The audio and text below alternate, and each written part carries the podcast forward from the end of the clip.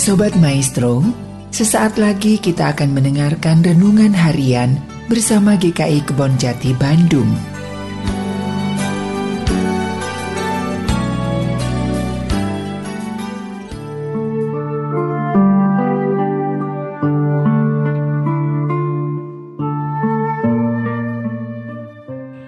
Bapak, Ibu, dan Saudara yang dikasihi Tuhan Yesus Kristus, Berjumpa kembali dengan saya Esther Solihin dalam renungan harian hari ini. Bulan September ini GKI Kebonjati mengadakan bulan keluarga.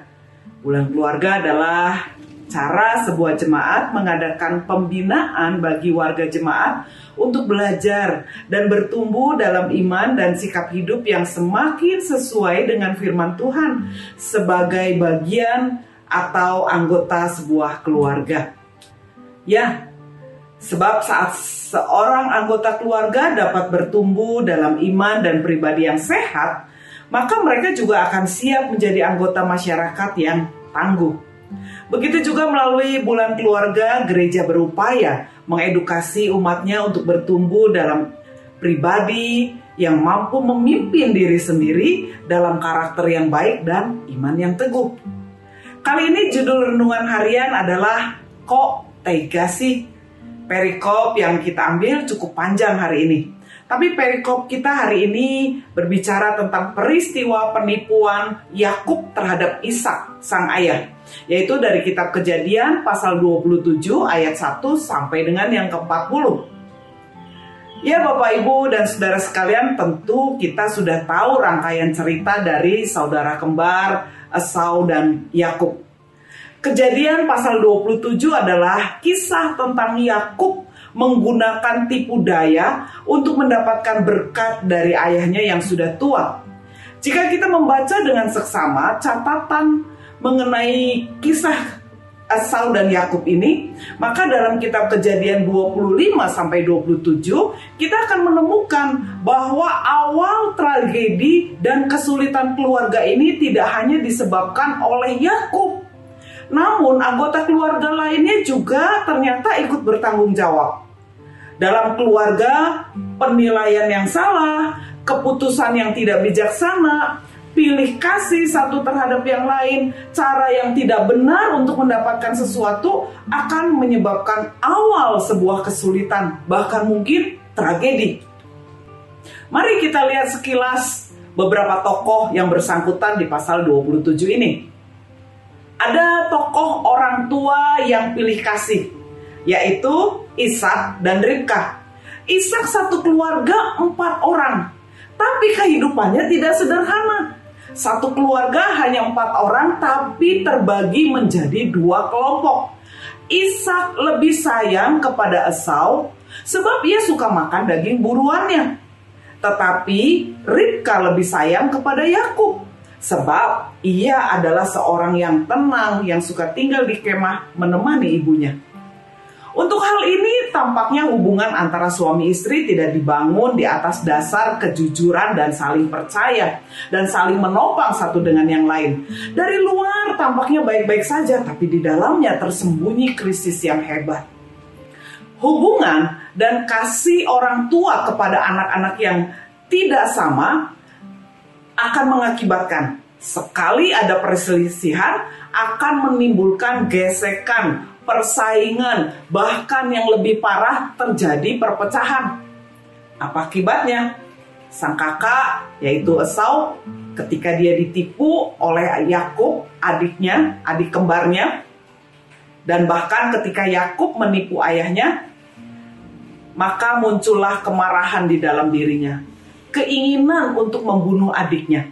Sejak saat itu, tragedi dan kesulitan keluarga mulailah muncul dan kemudian bergulung-gulung terjadi. Dan itu memakan waktu yang lama sekali untuk pemulihannya. Yang kedua, tokoh yang kedua adalah Esau, yaitu seorang yang tidak menghargai identitas dirinya dan berkat yang Tuhan berikan di dalam hidupnya. Asal memandang remeh hak kesulungan dan saat kehilangan berkat hak kesulungan baru hatinya penuh penyesalan, penderitaan, amarah dan ingin membalas dendam sehingga hidupnya juga tidak merasa bahagia. Tokoh yang ketiga adalah Yakub. Orang yang senantiasa menggenggam sesuatu yang dia inginkan dengan kelicikan dan tipu daya. Dalam kejadian 27 dicatat, Yakub tiga kali menipu ayahnya. Bahkan ia mengutip nama Tuhan untuk menipu ayahnya. Akhirnya ia mendapatkan keinginannya. Tapi ia harus membayar harga yang sangat mahal. Karena dengan menggunakan cara yang tidak benar, dia mengalami berbagai kesulitan. Dan mulailah perjalanan hidupnya yang penuh liku-liku ia bukan hanya saja menghabiskan masa mudanya yang paling berharga di rumah Laban, tapi ia juga sering ditindas dan ditipu oleh Laban. Bahkan sampai akhir hidup daripada Ribka, Yakub tidak pernah lagi bertemu dengan ibunya. Berkat Allah yang dijanjikan pada Abraham, Bapak Ibu sekalian, sebenarnya adalah bahwa Allah ingin mengadakan umat yang beriman dan hidup benar serta taat pada Allah. Tapi Ribka dan Yakub berusaha menggenapi maksud-maksud perjanjian Allah dengan cara manipulasi dan penipuan. Benar bahwa Yakub mendapatkannya, tapi caranya tidak benar. Akibatnya, manakala pekerjaan Allah dan maksud Allah dilaksanakan dengan cara-cara yang tidak benar, semua yang terlibat dirugikan. Ribka menderita sekali akibat penipuannya. Karena Yakub harus lari.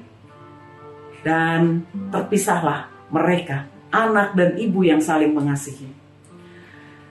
Dari firman Tuhan hari ini kita belajar bahwa keluarga berperan sangat penting dalam terbentuknya sebuah karakter yang baik dari seseorang dan juga iman yang tangguh. Dari peristiwa Asau mengajar kita untuk tidak meremehkan berkat rohani apa pun juga yang Tuhan berikan pada saat kita mendapatkannya. Biarlah sebagai anggota keluarga kita selalu saling mengajarkan untuk saling bersyukur satu terhadap yang lain dan melihat serta merasakan bahwa begitu banyak berkat dalam hidup yang Tuhan anugerahkan sekecil apa pun berkat itu.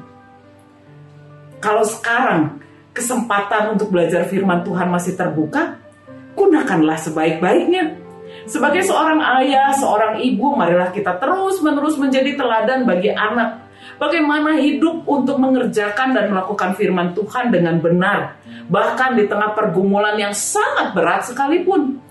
Marilah kita mengajarkan bahwa kita tidak bisa mengabaikan firman Tuhan demi pekerjaan, demi uang, demi karir, dan sebagainya. Bahwa pekerjaan, uang, karir memang harus diperjuangkan dengan kerja keras, tetapi tetap harus tunduk pada kebenaran dari firman Tuhan. Dalam setiap doa kita sebagai anggota keluarga, sebutkanlah nama-nama anggota keluarga kita agar senantiasa mereka tetap sehat, tetap beriman teguh, pun dalam pergumulan yang berat mereka tetap mampu juga bekerja dengan penuh sukacita dan diberkati serta menjadi berkat. Tuhan memberkati. Amin.